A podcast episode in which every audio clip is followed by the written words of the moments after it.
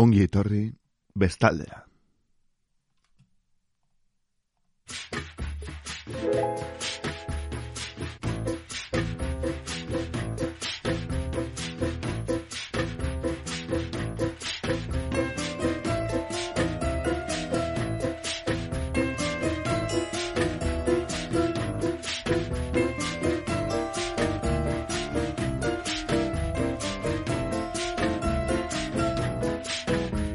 Egun honen entzuleok, zer modu zaute bestaldean, martxoak zortzin du gaur, eta bagizu emakume langileen nazioarteko eguna dela.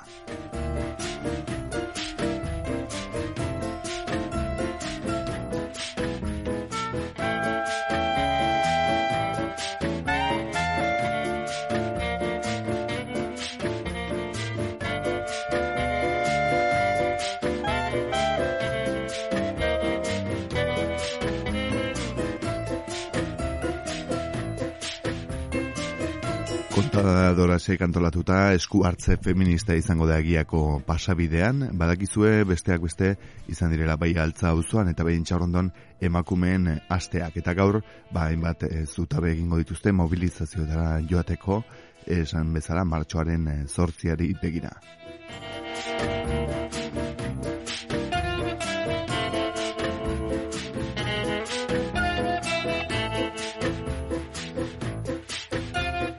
Ama bietan e, deszentralizatuta deitu dituzte mobilizazioak e, 2000 eta hogeian e, hainbat herri eta auzotan seian izango da manifa bulebarrean.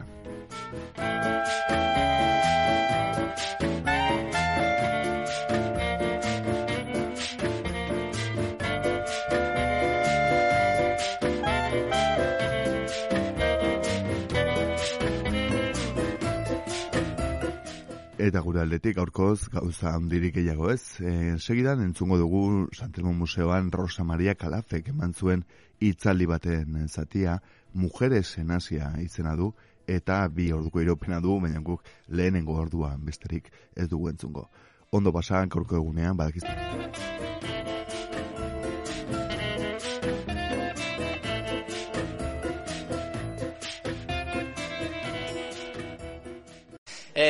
Arrachaldeón guzti hoy. Eh, Calaf, la, la Calaf, así con mayúsculas. ¿Quién me iba a decir que iba a poder estar eh, al lado de ella, sentado, disfrutando de ella y, y, y aprendiendo con, con, ella, ¿no? Es, es todo, todo un honor. Ore bat da, eh, Rosa Maria Calafen aldamenan eserita egotea eta bere, Oi, barkatu. Beraren gandik ikasi alizatea. E, bere izena, e, ba, gu bezalako kasetari askorentzat, erreferentea handi bat da. E, Unibertsitatetik irten eta eta korrespontsalia bat gure ametxetan korrespontsalia bat geneukan askorentzat ba, ba ideala zen Rosa Maria Calaf. Ez, eta bere kronikak inspirazio izan dira gutariko askorentzat. Beraz, eh, eskerrik asko Rosa Maria Calaf por, por estar aquí, por visitarnos en, en Donostia. Eskerrik asko ere Santelmo Museori eta Donostia Kulturari eta eta eskerrik asko zuei, zuen eh, interesagatik, erakusten duzuen interesagatik, eh, jende asko gelditu da tamalez eh, sartu ezinik Eta bueno, eskartzekoa da interes hori, interes horrek egiten dituelako posible, ba, honen moduko eh, elkartzeak, ez?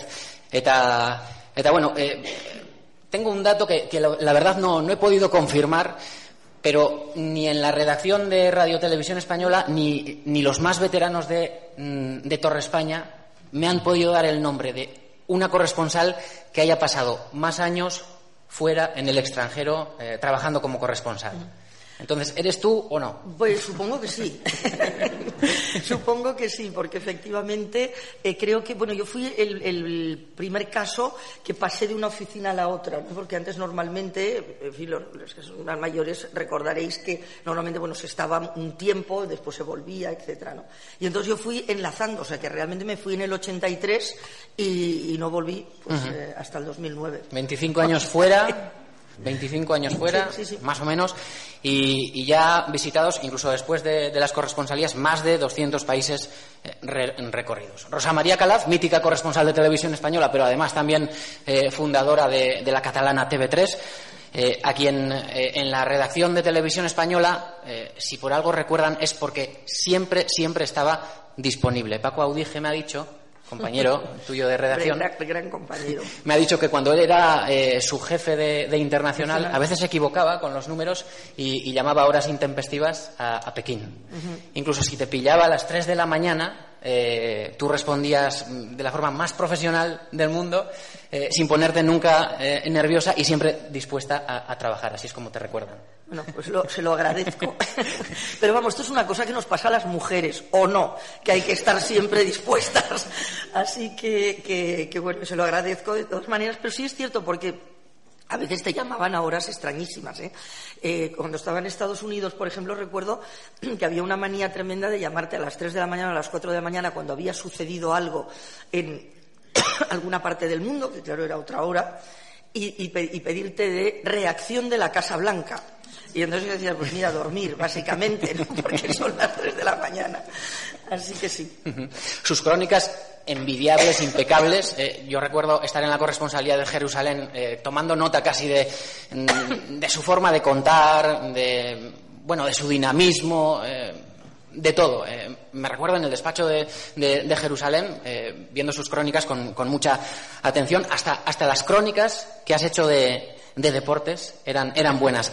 Compañeros de deportes que no tienen para, para olvidar que en una ocasión a la gran Rosa María Calaf le tuvieron que explicar lo que era un córner.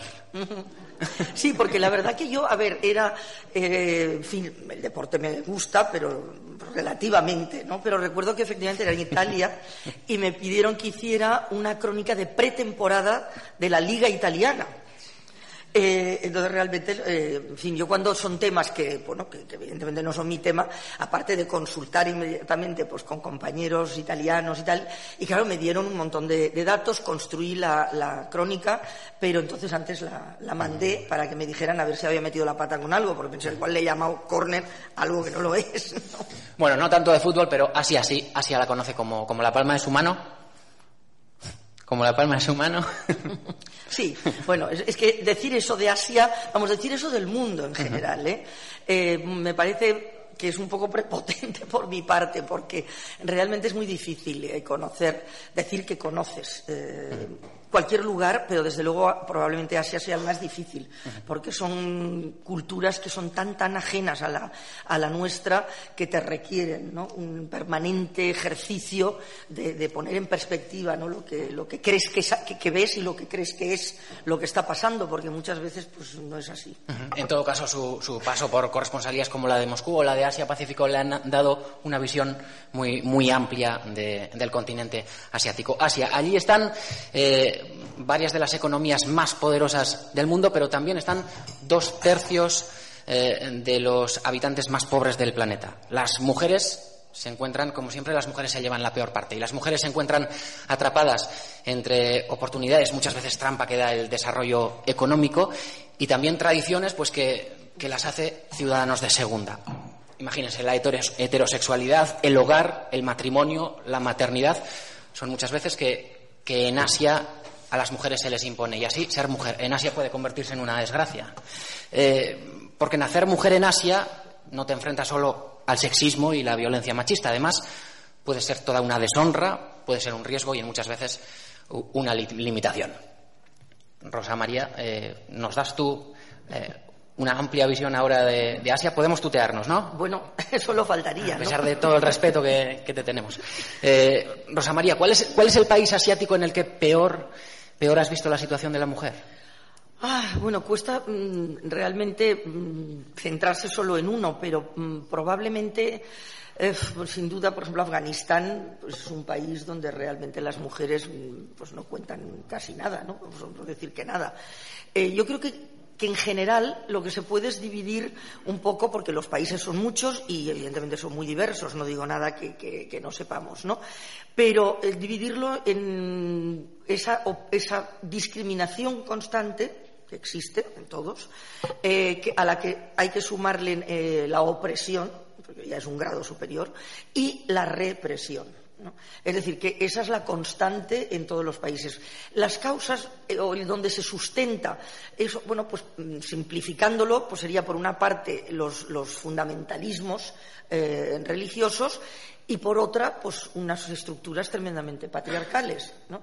Y, y a partir de ahí pues la, mujer siempre es el eslabón, evidentemente, más débil y efectivamente, pues yo lo que, lo que iba a hacer era un poco pasar a pinceladas, como, como has dicho, por diversos países, tocando diversos aspectos, porque no tenemos tiempo para, profundizar en, todo. Es decir, quizá los más característicos de, cada uno de ellos que componen ese, ese marco general, pero que, eh, bueno, lo que, lo que nos muestra como, escenario, ya digo, es esa permanente eh, discriminación, opresión y, represión, pero también al mismo tiempo, y eso me parece que es muy importante mm, resaltarlo, el que las sociedades eh, avanzan y se construyen, es decir, en, mayor o menor desarrollo en función de que avancen las mujeres. Es decir, que la mujer es en todas ellas la columna vertebral de, la construcción social.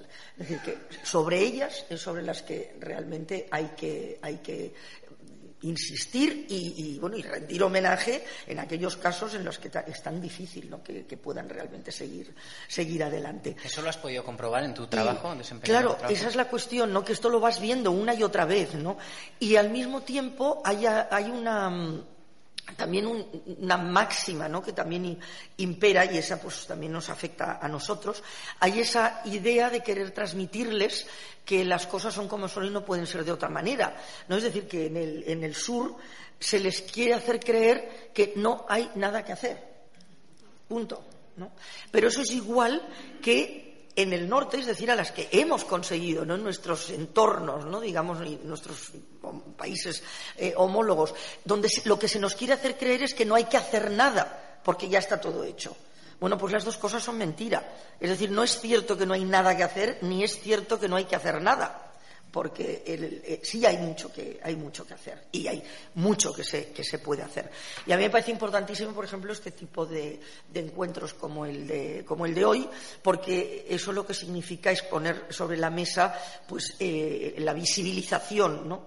de, la situación y de los problemas en los que eh, bueno está inmersa ¿no? la, la, mujer en fin en todos los ha habido otros ponentes que han hablado también de otras zonas del mundo pero yo me voy a digo a ceñir a Asia y eh, hablar de, lo importante que es el activismo eh, desde dos frentes, es decir, el reactivo, es decir, el que reacciona ante los abusos que se cometan en fin, grado menor o mayor. Es decir, pensemos que la mayoría de estos países la lucha por los derechos de las mujeres significa jugarse la vida para ellas, fundamentalmente, y para las, protagonistas y para quienes pretenden ayudarlas, y luego un activismo preventivo, ¿no? que es el de, la educación, es decir, el educar para que todo eso no, suceda. Em, en general, en, Asia, hace ya unos años, ¿eh? porque el dato, he buscado a ver si había un dato más reciente, pero el último que tengo es del, del, fin, del 2008-2010, se calculaba que había 163 millones más de hombres que de mujeres. Eh, curioso, porque como sabemos, normalmente nacen más niñas que niños. Entonces, ¿qué ha pasado ahí? 163 ¿Eh? millones son eh, una cantidad superior a la población femenina de Estados Unidos, para que nos hagamos idea.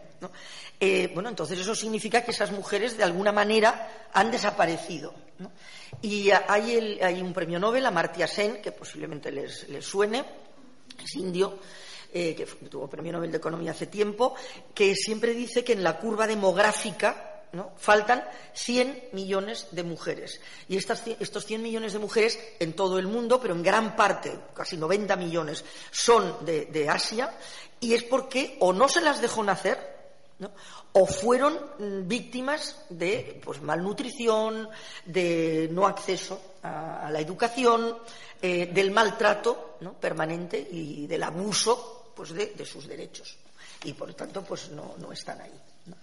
Eh, entonces tú dices, bueno, ejemplos, ¿no? dices, bueno, ves, ¿no? Pues lo ves continuamente. En Afganistán, por ejemplo, me, me acuerdo de una, una joven que fue acusada de adulterio y en la nota, que es decir, lo que leyó el, juez que la sentenció a muerte, o sea, muerte por lapidación, o sea, dijo, esta mujer, hija de Sargul, hermana de Mostafa y esposa de Yumakan.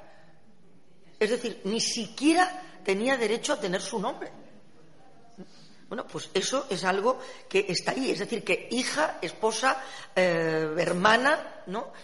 es lo que, bueno, es una mujer, o sea, nada más. La, semana que viene vamos, vamos a Nepal y nos estamos dando cuenta, hablando con varias de las protagonistas, que aparte del, tema del nombre, no saben cuándo nacieron muchas.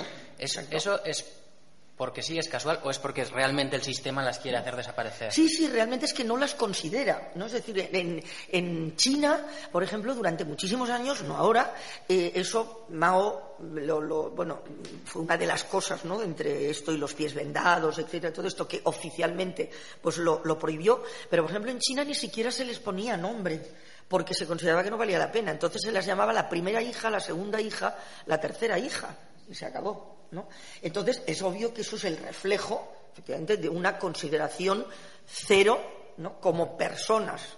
Eh, entonces, bueno, pues ahí está. Y efectivamente, o sea, eso ocurre y ocurre en, eh, ocurre en la India y ocurre pues, en, tantísimos otros lugares. ¿no? Eh, por ejemplo, en, la, en la, India, que es un lugar, como señalabas hace un rato, en general, ser mujer, pues en fin, no es realmente lo mejor que te puede ocurrir y siempre se comenta, ¿no? Eso de que lo peor es pues eh, ser pobre y ser mujer en, el mundo porque si tienes las dos eh, características lo tienes muy mal y curiosamente y lo del curiosamente lo pongo entrecomillado pues normalmente la pobreza va siempre asociada fundamentalmente a las, a las mujeres es decir que son las que las sufren directamente. Pues en la India, por ejemplo, otro de los aspectos que, que hay que señalar es, por ejemplo, las viudas eh, son absolutamente desechables. Eh, hay, unos, hay un templo, concretamente el, que es Bihari, en, que ahí tiene un, eh, una especie de, hogar donde recoge, de, alimenta, etcétera, a mm, pues, esas mujeres que se han quedado sin nada. Porque resulta que son sus propios hijos los que las echan de casa. ¿no? Es decir, yo recuerdo haber hecho un reportaje una vez en, en donde no la habían echado, entonces me decían, no, no, nosotros no la hemos echado a la, madre, ¿no? Y dónde estaba, pues vivía en los corrales con los animales, es decir, que tenías que pasar por allí y comía, pues cuando, en fin, cuando pillaba algo de lo que le daban a los animales, etcétera.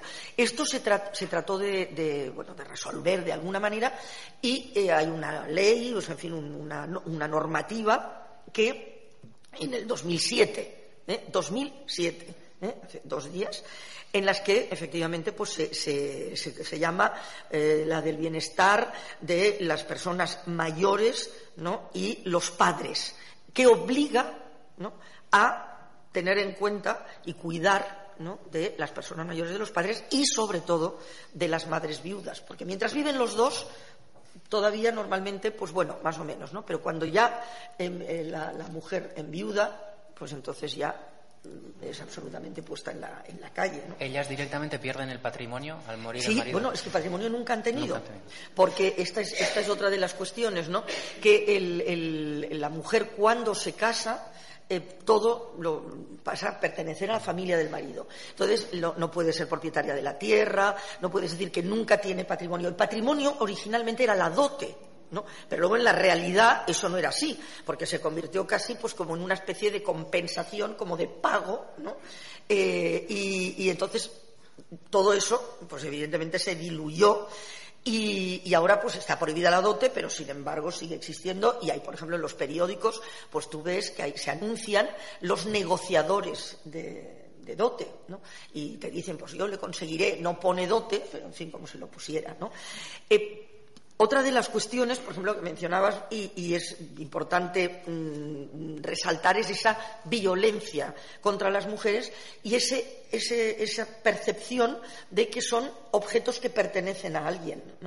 Hay un refrán que ya pues también es creo claramente definitorio, que dice que invertir en una niña, es decir, darle de comer y nutrirla igual que un niño, llevarla al colegio, etcétera, es decir, gastar en una niña es como regar el jardín del vecino porque, bueno, pues se considera eso que es una inversión que vas a perder porque luego ya se va a ir, va a formar parte y para la familia a la que pertenece, pues no va a representar nada, ¿no? Eh, y eso está mm, tremendamente mm, arraigado, ¿no? Esa, esa cultura mm, patriarcal eh, hace que realmente, ya digo, las mujeres sean pues como, objetos que, se poseen y que se pasan pues de, unos a los otros. Eso eh, provoca, lógicamente, también, pues ya digo, el, maltrato inicial, eh, luego ahora hablaré un, poquito de, la, posibilidad que existe, pese a estar prohibido, legalmente de los abortos selectivos, es decir, del feticidio femenino, cuando se sabe que es un feto femenino se aborta, porque no se quieren tener niñas, porque se considera que es, que es un, mal negocio, ¿no? Eh, entonces, pero aparte de eso, es decir, que no se las dejen hacer, pues luego hay ese maltrato de falta de nutrición, falta de escolarización, etcétera, y cuando ya logran, en fin, sobrevivir a todo eso, pues entonces se considera, ya digo que como son propiedad, pues se puede hacer con ellas lo que se quiera. Y los índices de violación, por ejemplo, dentro de la propia familia, dentro de la propia comunidad, son tiene unos números alarmantes, difíciles de precisar, porque evidentemente la mayoría ni siquiera se denuncia, porque no quedan generalmente impunes. Eh, y bueno, pues ahora últimamente posiblemente sí que le sonará que hace un par de años hubo un caso de una, violación colectiva de una chica estudiante que estaba con su pareja, con su novio, que salían del cine en Delhi. ¿eh? Eh, y bueno, pues fue, fueron violada por un grupo a los que detuvieron. Entonces hubo una reacción social muy fuerte. Eh, sí que se, promovió una legislación así de urgencia, fin, de estas en caliente, pero que luego generalmente pues no acaban de ir a, ninguna parte. En las cifras las tengo por aquí, pero bueno, ahora no, no, la voy a buscar, pero si luego sale la puedo encontrar. Tampoco, ya digo, son fiables en cuanto a que no son precisas, porque mm, teóricamente, pues ya digo, están, por supuesto, penalizado y, teóricamente, pues mm, no, no denunciado en la mayoría de las, de las situaciones. ¿no? Eh, entonces, ese contexto hace que, vivir como, una mujer en la, India sea muy difícil, incluso en los lugares más, digamos, avanzados o más desarrollados, como puedan ser todas esas zonas donde eh, son punteros en la tecnología o las grandes ciudades, ¿no? las, las zonas pues, Delhi, Bombay, etcétera. Recuerdo, por ejemplo, una zafata, o sea, una chica que había conseguido niveles eh, universitarios educativos muy alto, etcétera, y consiguió ser azafata. Y entonces era eh, de una ciudad de segunda categoría en, la India, y entonces tuvo la oportunidad de ir a trabajar a, Bombay como base. Bueno, pues para que pudiera ir a, trabajar era una familia de clase media, con educación, eh, etcétera, ¿no? Pues para que pudiera ir a trabajar tuvo que llevarse a su hermano con ella y bueno, y mantenerlo también ella y tal, un hermano que tenía pues 15 años, ¿eh? que era mucho más joven que ella, bueno, pues para que, en fin, tuviera un, hombre de la familia eh, con ella. Y eso sigue estando ahí. ¿No? Como, ya digo, sigue estando ahí el hecho de que, pese a la, prohibición legal, pues se aborten, ya digo, los fetos femeninos, que se considera eso, que más o menos unos dos millones de fetos eh, femeninos se abortan al año. Y yo me acuerdo hace bastantes años, eh, ahora esto no sería posible, unos carteles muy grandes en la, en la, en la calle, en, lo que entonces se llamaba Madras, en el sur, que ahora se llama Chennai, una ciudad enorme, ¿no? como todas en la, en la India, y, que ponía en el cartel, ¿no? Pues gaste ahora, eh, pues un puñado de rupias, imaginemos que fueran euros, ¿no? Pues gaste ahora 150 eh, euros, que para, allí es mucho dinero, eh, y ahorre después. Eso quería decir aborte, es decir, pague 150 euros por un aborto de un feto femenino para no tener luego que pagar la, pagar dotes. ¿no? Así que eh, todo eso, ahora ya digo, eso no sería posible, pero sin embargo desde el 2014, que fue cuando se, no, perdón, el 2014, bueno, también tengo el dato, lo estoy diciendo de memoria, pero mm, creo que es posterior, no, perdón, desde el, eh, desde el 94, sabía que había un 4, eh, está prohibido dar el diagnóstico prenatal del feto. ¿Eh? Es decir, que cuando una mujer está embarazada, el médico no le puede mm, contar, eh, revelar cuál es el, género. Entonces, el sexo, perdón. Entonces, em, bueno, eso estaría, está muy bien, pero no se cumple. Y la realidad es que no se cumple muchas veces por dinero, es decir, que hay médicos que cobran, pero otros muchos, con los que yo hablé, eh, que mm, están convencidos de estar haciendo un favor y de estar ayudando a la mujer. Bueno, pues desde esa época, desde ese dato, de ese dato de fecha del 94 hasta no sé si ha habido alguno ahora más recientemente, pero hasta hace cuatro o cinco años solo había habido dos casos eh, de médicos condenados por prácticas de, abortos selectivos y en realidad fueron porque eh, mm, unas en fin, ONGs con cámaras ocultas eh, fueron grabaron ecografía y cuando el médico le decía a la madre y al, padre no se preocupe es una niña pero nos ocuparemos del problema entonces eso sigue ocurriendo continuamente y contrariamente a lo que se podría pensar, no es únicamente en las clases, digamos, más desfavorecidas, menos educadas, etcétera, ni en una determinada em, religión, no es absolutamente transversal, da igual que sean eh, hinduistas, budistas, eh, musulmanes, ya sabéis que en la India pues hay de todo. Eh, no, no, es una costumbre absolutamente enraizada. Pero no solo, ya digo, en las, en las clases más vulnerables, sino en las clases medias y al contrario, cuando más alta es la clase, es decir, mayor es el poder adquisitivo, o sea, más se acude a precisamente ese aborto selectivo. Entonces, eso, eso está ahí. Hay una petición del activismo, porque paralelamente a todo esto que es bueno, pues muy apocalíptico, ¿no? Lo que, lo que, lo que voy contando y muy descorazonador, eh, siempre voy a estar insistiendo en que hay un activismo que trata de luchar contra todo esto, que trata de poner al gobierno ¿no? ante la, fin, la, coyuntura de tener que tomar una posición y legislar, y no solo legislar, porque leyes se consiguen, pero luego no se aplican, ¿no? Es decir, que haya, que haya un cambio de mentalidades, es decir, que se entre en la educación. Es verdad que la India ha avanzado mucho, sobre todo en la escolarización, mm, digamos, más primaria, eh, bueno, pues sí, las niñas van, a, la, escuela en los pueblos, etcétera, pero a medida que crecen, pues van abandonando, ¿no? Eh, porque se tienen que ocupar, pues, del campo, de sus hermanos más pequeños, eh, etcétera, etcétera, ¿no? Es decir, que sí está, está bueno, pues muchos aspectos el marco legal, pero luego la, aplicación de esa legislación es, muy, muy, deficiente y sobre todo, ya digo, lo que no se trabaja lo suficiente, en opinión de la mayoría de los grupos activistas, es en, ese cambio del imaginario. Y, por ejemplo, en, en las elecciones de hace cuatro o cinco años había 27 candidatos presentados por los principales partidos ¿no? acusados de violación y que habían reconocido que efectivamente ¿no? O sea, sí, bueno, pero como no lo consideraban como una violación, sino como, bueno, como un, uso habitual, ¿no? Eh, de, esas mujeres a las que a las que habían violado y sin embargo los partidos lo seguían presentando, ¿no? Como, como candidato. Así que eh, queda mm, muchísimo, muchísimo por ¿Los medios de comunicación asiáticos denuncian situaciones como las que cuentas? Eh, algunos sí, otros no. Es decir, es difícil, pero muchas veces, en general, no. Por ejemplo, hubo una, una una participación muy activa, mediática. En el caso este, por ejemplo, que cuento de hace unos años de esta chica violada en grupo, ha habido uno recientemente, hace unos meses, eh, también en la India, en la que también ha habido mucha movilización eh, mediática y eso ha sido excepcional.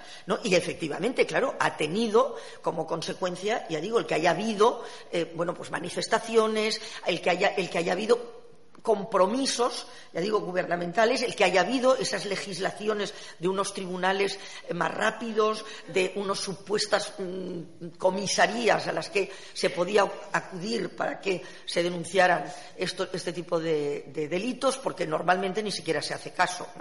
Eh, entonces, hay un cierto movimiento, pero por supuesto para nada el que, el que, debería, el que debería ser. y hace 30 años eh, no ya los medios asiáticos, medios como, los, el tuyo, eh, se fijaban en todas estas historias porque ahora sí. Ahora vemos reportajes que se hacen desde Afganistán con cámaras incluso debajo del burka, eh, pero eso antes, hace 30 años era muchísimo más, Era muchísimo más difícil, o sea, había una menor sensibilización, pero yo creo que ahora el riesgo que hay es de que esto se espectacularice. ¿Eh? y de que lo convirtamos, porque en fin, eso sería motivo de otra charla que sería sobre periodismo, ¿no? Pero el, hecho de que se, convierta, eh, eh, ya digo, en, espectáculo la información, en que se le dé una estética cinematográfica muchas veces al tratamiento de estos temas, ¿no? Y entonces, bueno, pues eh, se, haga, se cree un impacto en la ciudadanía que realmente reacciona, pero como no se le dan elementos de conocimiento ni hay seguimiento, es decir, que nos quedamos en lo que impacta, pero no vamos a lo que importa, entonces no conseguimos hacer lo que debe hacer el periodismo, que es hacer que la ciudadanía se haga preguntas. Porque si no nos hacemos preguntas y nos quedamos solo en la emoción, la emoción tiene corto recorrido. Y además bueno, pues puede tener una, reacción inmediata, pero no se sustenta en el tiempo. Entonces, eso, ya digo, es, muy bueno que se haga, evidentemente que se hable, es mucho mejor que se hable que que no se hable, pero hay que tener cuidado en cómo se habla y, de, cómo se cuenta. Pero sí que es cierto que algo hemos, mejorado, sin ninguna duda, en la capacidad de poder hacer reportajes en lugares donde antes era muy complicado simplemente llegar, ¿no? Eh, tener unos medios técnicos que te permiten trabajar de una manera que antes era imposible. Antes llevabas unos equipos que pesaban 300 kilos, ¿no? Y que era muy complejo el, ni siquiera moverte, ¿no? Y, bueno, por supuesto era imposible pasar desapercibido, ¿no? O sea, cosa que ahora es un poquito más fácil, ¿no? O sea, que sí, que ahora... Y luego también es cierto que hay una cierta sensibilización en una parte de la, de la sociedad sobre esa importancia de saber lo que ocurre en otros lugares y la importancia que tiene el que nosotros exijamos a nuestros gobernantes que realmente tengan una posición crítica con esos gobiernos que permiten que a sus ciudadanos les suceda, a sus ciudadanas les suceda todo eso.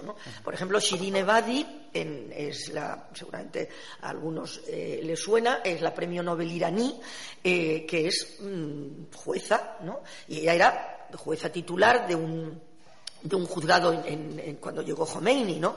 Y entonces, evidentemente, pues fue eh, degradada a secretaria de ese mismo juzgado y luego pues es una, es una activista por los derechos de, las mujeres en Irán que al final tuvo que exiliarse, ha pasado por la cárcel, etcétera. En un momento determinado le dieron el Nobel y entonces ella siempre pues eh, cuenta como, mm, por ejemplo, evidentemente en Irán, pues la mujer que las mujeres iraníes eh, tenían una fuerza extraordinaria en la universidad y tienen, es decir, unos niveles de educación eh, muy superiores a, países, en fin, del, del área, etcétera, etcétera y una presencia, ¿no? Y, bueno, pues han sido anuladas. Ahora había, los últimos años mejoró. Yo estuve viajando por Irán en el 2013 y bueno, tenía nada que ver a cómo era cuando poco después de llegar Khomeini, cuando hacía un, año más o menos, año y pico que estaba Khomeini, que fue la primera vez que estuve en, Irán, donde realmente efectivamente las mujeres eran, habían sido absolutamente borradas, ¿no? Y, borradas físicamente, ¿no? Porque se las obligaba a ir completamente a cubiertas, bueno, no con burka, porque ahí no, no, se llama burka, burka es el de los agujeritos, ¿no? Pero con el, chador que tienen, que normalmente pues se ponen así, entonces, no sé. Eh, entonces, bueno, desaparecían. A lo largo de los años la lucha, ya digo, del activismo dentro de Irán, jugándose, en fin, eh, ya digo, la libertad eh, y teniendo muchísimas dificultades, ha ido mejorando eh, la situación y hace, pues, en fin, los últimos tiempos había, cuando yo estuve, ya digo, ahí, pues ya no era tan extremo, pero la legislación no ha cambiado, lo cual hace que, en cuando hay rebrotes de de fundamentalismo nuevamente, pues otra vez o sea, las mujeres son absolutamente mm, eh, separadas, ¿no? Y Shirine Bade pues cuenta siempre eso, ¿no? Que por ejemplo, eh, pues Irán en, los juicios, por ejemplo, pues para que haya un, testigo de cualquier hecho, eh, necesitan, si son mujeres, tienen que ser dos. O sea que donde vale el testimonio de, un hombre, tiene que haber el testimonio de dos mujeres. Cuando realmente, por ejemplo, hay eh, un asesinato, etcétera, y hay una compensación, pues por, el asesinato de una mujer, pues se paga pues mucho menos de la mitad, es decir, la, compensación o la, pena eh, económica. Eh, es, inferior. es decir, bueno hay muchísimos datos, no, me voy a extender eh, de, estas, de, estas, eh, de, estas, diferencias. ¿no? Y entonces, durante todos estos años, desde, desde Khomeini ha habido avances y retrocesos, avances y, retrocesos. Hay un documental muy interesante, que ahora no me acuerdo cómo se llama, eh, que, en el que cuentan esa digamos, visualización de esos avances y retrocesos con los escaparates de las tiendas en Teherán de, ropa. Es decir, cuando son em, las épocas de, extremo control, pues los maniquíes normalmente no tienen cabeza, los maniquíes femeninos, les, quitan la cabeza y eh, tienen pues bueno una especie de, cuerpo informe cubierto pues con determinados tipos de, de echadores y de ya digo, de prendas, ¿no? De prendas, de vestimentas. Y cuando la cosa va mejorando, pues empiezan a aparecer los primero los brazos, un poco las manos, etcétera. Y luego los comerciantes cuentan, ¿no? Cómo lo guardan, ¿no? Cuando le dicen, venga, fuera manos y fuera brazos y fuera cabeza, lo guardan en un trastero a ver qué pasa y luego, pues cuando vuelve, vuelven a poner la cabeza y vuelven a poner. Entonces ahora en la época que yo estuve ya, últimamente, ya digo, en el 2013, pues veías en, las cabezas, y no solo cabezas, sino con expresión, o sea, es decir, con, y con los pañuelos de colores, etcétera, con el pelo que se podía ver un, poco, etcétera, etcétera. O sea que eh, realmente es muy, muy, es muy visible eh, cuando se va hacia, hacia atrás y hacia adelante en algunos, en algunos eh, países. China, por ejemplo, es muy curioso porque comparte con, con la India ese, esa preferencia ¿no? por los varones eh, también normalmente no hay un plan, eh, digamos, de feticidio, de, aborto selectivo. En la práctica sí existe, pero no es, en fin, eh, tan, tanto como en, la, como en la India, o sea, o tan organizado. En la India hay que decir que, de todas maneras, toda esta implantación del aborto selectivo vino propiciado cuando se empezó a querer controlar el crecimiento demográfico, ¿no? que se consideraba exagerado y peligroso. ¿no? Y, todo eso se empezó cuando en los 90 eh, empezaron todas las técnicas de reproducción, ¿no? de, bueno, técnicas de diagnóstico prenatal, ¿no? de que se podía saber ¿no? si se, eh, pues el feto era, era femenino o masculino. Y eso estuvo financiado en su principio eh, por mm, el Instituto Ford norteamericano y el, y el Rockefeller. ¿eh? O sea que, decir que también hemos de estar siempre muy pendientes de cuál es la responsabilidad, mm, bueno, de lo que sería el mundo. Eh, en fin, supuestamente democrático, libre, etcétera, etcétera, en él lo que no permitimos en nuestras sociedades o no queremos en nuestras sociedades, pues sí que se promueva, incluso no solo se permita, sino que se promueva en, en, en otras sociedades, ¿no? Entonces, eso es un, inciso. Entonces, en la India, por ejemplo, las niñas se abandonan, pues se abandonaban mucho más que los niños. Si recordamos cuando se, se eh, adoptaban niñas eh, chinas, y lo digo en pasado porque ahora es mucho más complicado mucho más difícil, porque eh, China pues decidió que un país que quería ser y era ya pues puntero ¿no? en la escena mundial no podía permitir que bueno pues estuvieran adoptando niñas chinas. Entonces oficialmente se dijo que es que ya las niñas que eran susceptibles de ser adoptadas las adoptaban los chinos. Eso no es cierto, ¿no? Pero, pero lo, que lo que ha pasado es que evidentemente las perjudicadas han sido estas niñas que siguen siendo eh, abandonadas. Cuando, son pequeñas, es decir, abandonan más las niñas que los niños. Y efectivamente también pues, hay aborto de, fetos, de fetos femeninos.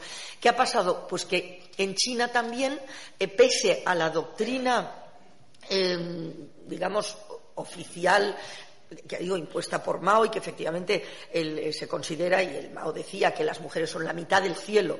Pero claro, son la mitad del cielo porque él las, las necesitaba para formar parte de la masa revolucionaria, ¿no? Y ahí necesitaba, claro, que las mujeres también estuvieran ahí, ¿no? Pero bueno, después ya de Xiaoping pues también dio acceso a la, a la universidad, etcétera, y, y, la realidad es que en este momento el, pues la mayoría posiblemente, no sé si la mayoría, el dato último que tenía yo eran 47-49%, por tanto ahora seguramente serán más, por eso digo, de, los licenciados son mujeres, ¿no? Y en, China, y con unas mm, calificaciones generalmente mejores que las de los hombres.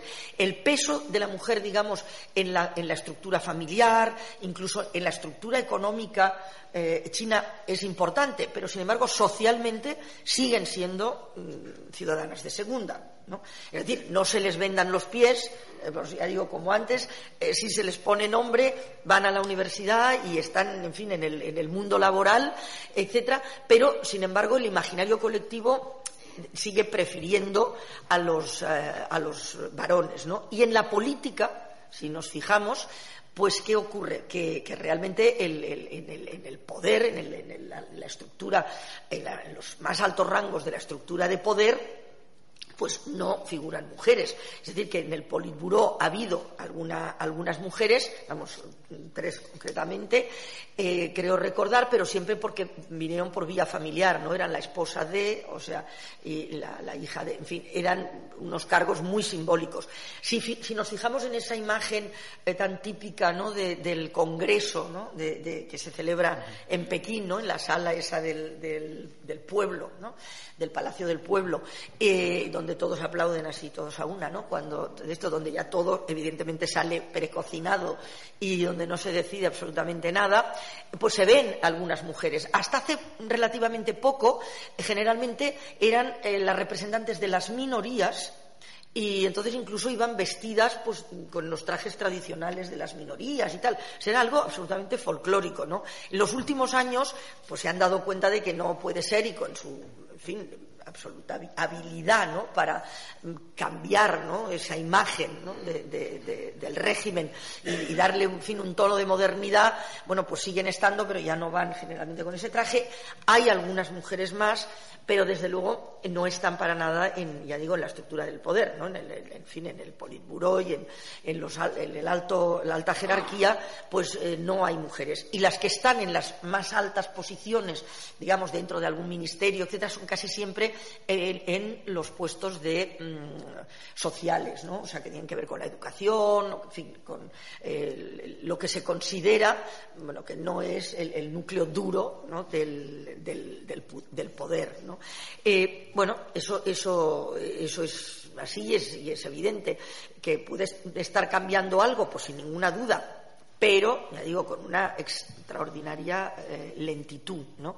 Esos, esos países eh, tienen que ver con lo que hablábamos al principio, con esas estructuras en donde la concepción de autoridad no, incluye a las, a las, mujeres y la, concepción social se basa en un modelo absolutamente androcéntrico y en un, en un modelo, ya digo, patriarcal. ¿no? Si vamos a, otros, a otro tipo de países donde la estructura mezcla la concepción de autoridad ¿no? y la estructura mezcla religión con, eh, con, Estados, es decir, esos países de fundamentalismos eh, religiosos, islámicos en general, pero no solo, pero, en fin, eh, los, los que nos suenan más son sin duda pues los islámicos, pues, por ejemplo, podemos ir a Pakistán, ¿no? y si nos tenemos en, en, Pakistán, ¿qué vemos? Pues vemos que cuando Pakistán se creó como país por partición con la, India, ahí las mujeres sí fueron aceptadas en la lucha por la independencia, ¿no? Incluso formaban parte de los consejos de las jalsas que se llamaban, o sea, de los consejos, tenían papel, por ejemplo, en los medios, que mencionabas tú hace un momento, ¿no? En, la radio, ¿no? Sobre todo, que era lo que entonces, pues, eso, y ahí sí, pero cuando ya se hubo conseguido bueno, pues la independencia, independencia, pues ya se pretendió ¿no? que esas mujeres que eh, habían sido activistas por la independencia se fueran a su casa, ¿no? calladitas y ya está. De todas maneras, eso tampoco es el único sitio donde ha ocurrido, porque en la Revolución de México con Pancho Villa todo esto pasó lo mismo, y si nos apuramos, pues podemos también recordar lo que, lo que pasó en nuestra, nuestro entorno con la Guerra Mundial, es decir, cuando salta la mujer al mundo laboral, no cuando se ve obligada a salir de casa porque los hombres están en, en el frente, etcétera. Y luego, ¿qué se pretende? Se pretende que vuelvan a casa. ¿Eh? el sueño americano, tal y cual, el, suburbio, el, en fin, toda esa, esa, se pretende que vuelvan a casa. Lo que pasa es que, pues ahí se consiguió, conseguimos, pues eh, volver, no volver o volver mucho menos de lo que se pretendía que se volviera, ¿no? Eh, entonces, en Pakistán, esa estructura ¿Qué hace? Que las mujeres te cuentan, no los activistas, que les es muy difícil porque se mezcla la legitimidad del, Estado, de la nación, con la religión. Y entonces hacer cualquier lucha eh, contra el, Estado, es decir, por los derechos civiles de las mujeres, por la igualdad, es una lucha contra el Islam. O sea, es un atentado religioso. Y entonces ahí es mucho más difícil eh, poder progresar. ¿no? Y entonces la, la, situación ¿no? de la mujer, pues es lo que has mencionado tú al, al, principio y hemos pasado un poco por encima, que son los, los delitos de honor. ¿no? Eso que, decía, bueno, pues la, mujer que no obedece o, aquí, o, o la mujer, es decir, como eh, moneda de, de, cambio a la hora de castigar eh, comportamientos que se consideren, eh, bueno, pues que son ilegítimos, etcétera. Que no sé si recordar, recordarán, hace unos años, ahora unos ocho o nueve años, quizá un poquito más, hubo un caso, una chica se llamaba Mukhtar May, que eh, su hermano, que era más pequeño, en un, en un pueblo, eh, bueno, pues habló más de la cuenta con una niña, el, chaval tenía 13 o 14 años, con una niña de un, un clan, mm, de un pueblo vecino, que se consideraba superior. Y entonces la manera de castigar a ese, a ese clan inferior, a ese niño que había osado ¿no? transgredir esas normas, fue secuestrar a su hermana, que era un par de años mayor, y violarla en grupo. ¿no? Entonces, lo normal, porque esto está ocurriendo continuamente, el, dato que antes no tenía me aparece aquí, y se considera eso que, unos 90, que cada 90 minutos ¿eh? se perpetra algún tipo de, de crimen de honor en toda esa zona, eh, bueno, pues normalmente esa, esa, chica ni hubiera denunciado, ni su familia, ni nada, y bueno, pues ahí se hubiera quedado con el estigma, ya bueno, jamás hubiera podido reincorporarse de pleno derecho a la comunidad, etcétera, etcétera. Pero eh, en ese caso, esa chica y su familia, es decir, su padre, por supuesto, y su hermano, pues mm, supieron de un grupo de abogadas mm, pakistaníes que estaban trabajando mucho en este tema, acudieron, etcétera, y bueno, la cuestión es que todo esto saltó a la prensa extranjera, lo que tú mencionabas. Al principio lo supimos porque estábamos por allí cubriendo temas de electorales y temas un poco vinculados a los talibanes, con el tema afgano, etcétera, etcétera, y entonces todo eso salió a la luz, ¿no? Y entonces, claro, el gobierno no tuvo más remedio que actuar, porque la, ley más o menos existía, ¿no? De que eso no se podía hacer, eh, entonces, bueno, pues detuvieron a los que, en fin, a los que perpetraron esa violación, tuvo un juicio, les, les, condenaron a nada, cinco años o algo así, al año y medio estaban, estaban en la calle, ¿no? Eh, bueno, pues eso está en, en, la, en, el, en, la, vida diaria, ¿no? Está totalmente imbricado en la realidad de, esas, de, esas, mujeres. En Pakistán, y ya digo, en, en Bangladesh, en, en de, determinadas zonas de la India, en donde, pues, en fin, mujer que se resiste ¿no? al mandato masculino ¿no? de su familia, pues, en fin, para salvar de la suya o de la de su marido a la que ha pasado a pertenecer, pues es castigada con, ya digo, para lavar ¿no? ese deshonor, pues con la muerte, eh, en fin, con el echarles ácido a la cara, desfigurarlas, en fin, todo este tipo de, actuaciones atroces que, conocemos, ¿no? O de llevarlas al suicidio, ¿no? Que, realmente eso es algo también muy frecuente, y sobre todo en el mundo rural, ¿no?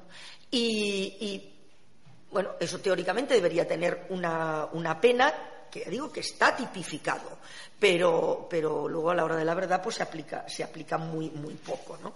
En, en por ejemplo, en Bombay, en la, la, en la cárcel de Bombay, de mujeres, eh, curiosamente, y eso también hay que, hay que resaltarlo, en la mayoría de los, de los, delitos cometidos por las que estaban allí habían sido ataques de las suegras contra las nueras. Es decir, por considerar que había algunas también de madres a hijas, ¿eh? pero casi todas eran o padres, hermanos, etc.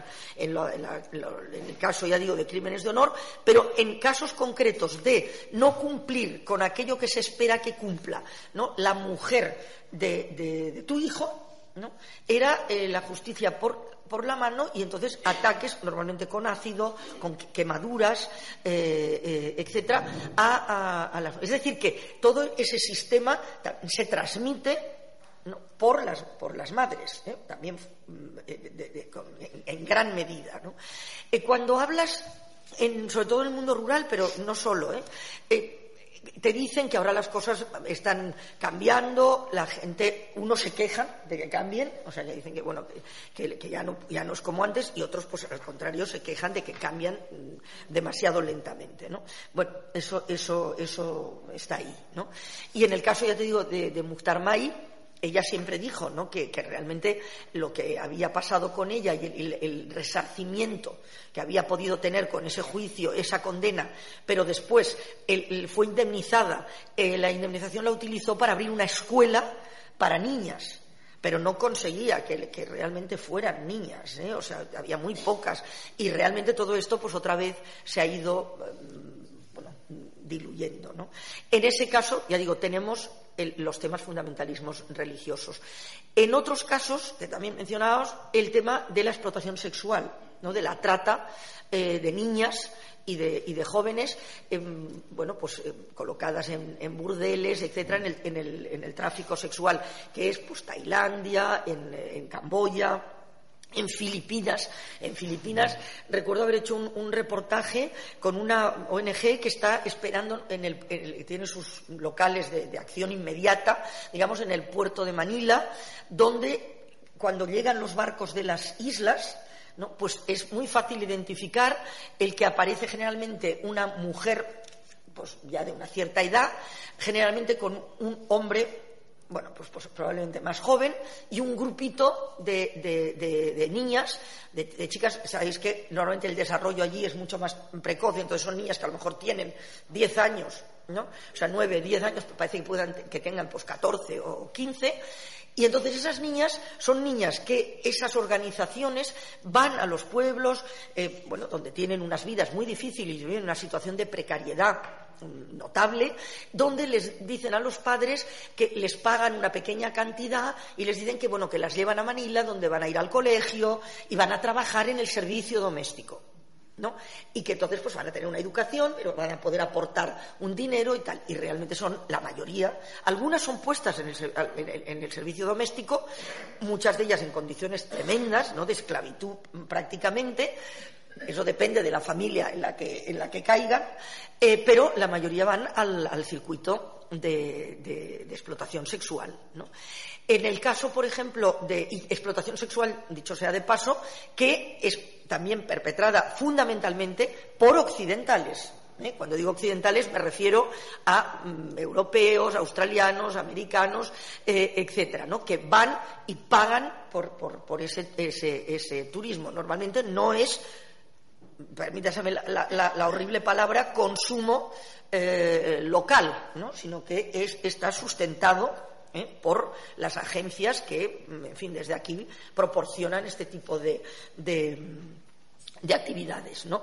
En Camboya, además, hay otro, otro subgrupo tremendo que es una venta de niñas eh, que mm, son vendidas muy pequeñas porque hay una, zona fronteriza, eh, sobre todo con China y con Vietnam, en la que hay la creencia de que violar una niña de 5 o 6 años trae suerte en la vida y los negocios.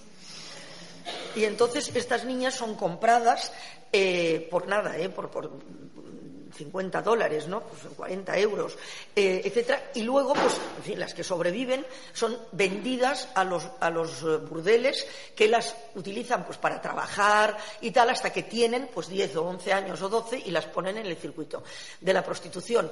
Eso, hay ONGs que están luchando contra esto, ha habido muchísimas denuncias, ahora hay un poquito más de control, pero está claro que se está haciendo con la connivencia, ¿no? de, la policía y aunque esté prohibido, eh, pues eso está ahí. Los que hayan ido a, Tailandia, por ejemplo, verán, y en Filipinas, que en muchos hoteles ponen nosotros estamos luchando contra esta lacra, no se permite entrar en el hotel con menores, eh, tal, etcétera. Es verdad que hay, que hay, que hay una, digamos, en este momento una sensibilización mayor y una cierta campaña para tratar de, bueno, paliar de alguna manera todo esto, pero no con la contundencia que evidentemente debería, debería exigir. Pero, ya digo, allí y debería exigirse aquí, es decir, que eh, debería pues, eh, exigirse esa responsabilidad, ya digo, a los consumidores. ¿no? Entonces, eso, eso está, está ahí. Como yo creo que ya llevo un montón de rato, voy a pasar y luego por si porque me habré dejado un montón de cosas que tú tenías muy bien preparado todo eso, pero sí que quería eh, comentar el caso de Japón, porque claro, todo esto, digamos que lamentablemente, seguramente no nos sorprende demasiado. ¿no? Son temas que de alguna manera, como bien decías, sí que han salido en algunos reportajes y son, bueno, pues en, todos esos países donde digamos que eh, consideramos ¿no? que eh, tenemos esa horrible, ese horrible calificativo ¿no? del tercer mundo, ¿no? que en realidad ¿qué queremos decir con eso? Mundo de tercera que es dramático ¿no? que, califiquemos a tantísimos millones de seres humanos eh, con etiquetas como, esta. Eh, pero claro, Japón no es ¿eh? el tercer mundo y sin embargo es obvio que en Japón no pasa nada de todo esto, es decir, que estoy contando porque evidentemente todo esto que estoy contando ya he mencionado, pero quiero insistir, la lucha, o sea, el activismo para salir de, esa, opresión y de esa, represión, eh, ya digo que en, muchísimas ocasiones significa el, jugarse y, perder eh, la vida. Evidentemente, Japón no es el caso. Pero en Japón, claro, te sorprende que siendo un país puntero absoluto ¿no? en tecnología.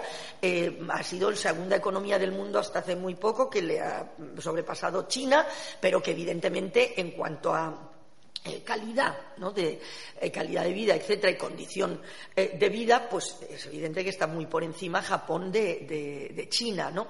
Y bueno, y con todas esas características, pues sea un país tremendamente machista extremadamente mm, patriarcal, donde las estructuras eh, permanecen, pues, se ha modernizado, como sabemos, en una generación, porque ha sido asombroso. Pues se ha pasado de un país feudal, de estructuras feudales, o sea, a, finales del, siglo XIX eh, y, y, y, casi casi principios del XX, a ver, estaba cerrado, no, no, había, se iba a caballo, no había tren, o sea, no había ningún tipo de esto, y se saltó en, poquísimos años en poder declarar la guerra a la primera potencia del mundo que, era Estados Unidos, ¿no? Es decir, que hubo un, salto extraordinario hacia a la modernidad no porque considere que declarar la guerra sea un, buen ejemplo de modernidad, no, pero, pero eh, eh, entendemos lo que quiero decir, ¿no? Es decir, a un progreso en lo material extremo, ¿no? en una, a una velocidad mm, realmente sorprendente. ¿no? Pero, sin embargo, o sea, todo ese país, ya digo, con esa gran carga de, tecnológica y, moderna, pues en lo que es la estructura social sigue siendo, eh, eh, en fin, era un poco como la transposición de aquel guerrero samurái que, defendía, pues se ha convertido en, el oficinista ¿no? y en el ejecutivo empresarial, ¿no? Pero realmente la, la mujer, pues ha seguido confinada, ¿no? En el ámbito doméstico y el ámbito privado. Y, por ejemplo, está muy mal visto, mm, bueno, pues cuando una mujer eh, se, casa y tiene, y, tiene hijos, ya, trabajar, estar fuera del hogar, es decir, hay poquísimas guarderías eh, y realmente se considera bueno, pues algo, en fin, rechazable, ¿no? ¿Qué ha ocurrido? Que entonces, pues no, pues hemos tenido eso, ¿no? O sea, los hombres por un lado, las mujeres por otro. Las mujeres han ido teniendo cada vez más acceso a la educación, por supuesto, acceso a la universidad, acceso al mundo laboral, pero con una dificultad extraordinaria para hacer carrera, ¿no? Es decir, carrera profesional, es decir, para, para tener un peso. Entonces yo siempre cuento dos ejemplos. Uno que una vez encontré, pues entrevisté a una señora que efectivamente había que, digo señora porque tenía pues ya como unos, llevaba ya como unos 10 años trabajando en una empresa, ¿no? Y entonces yo le dije, le digo, bueno, usted ya es, eh, en inglés, ¿no? Le dije, ya es una office lady, ¿no? O sea, ya es una, señora de, de, administrativa, ¿no? O sea, de, empresa. Y me dijo, bueno, yo diría mejor que soy una coffee lady porque realmente soy la que sirvo el café, ¿no? O sea, en, las reuniones. Bueno, pues Luego, en, una de las fábricas más importantes de cuchillos, o sea, saben que los cuchillos japoneses, bueno, pues sobre todo para la, cocina, ¿no?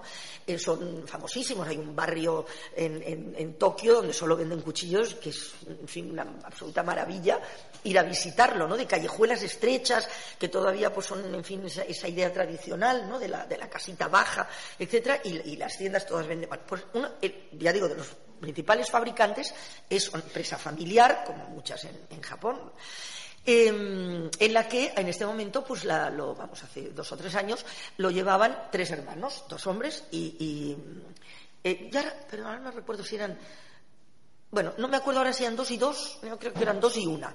Realmente, la que llevaba la voz cantante en, la administración, en, el Consejo de Administración, estuvimos rodando y en la empresa llevaba y traía y tal y cual, eh, era más la hermana que los dos, que los hermanos, ¿eh? pero los hermanos, bueno, estaban ahí. Pero cuando se terminaba la reunión del Consejo, la que recogía era la hermana. ¿Eh? o sea, en la, en, la, en la, mesa. O sea, es decir, que eso está profundamente eh, arraigado, ya digo, entonces se considera siempre, por ejemplo, que los padres, hombre, no tienen una relación con los hijos,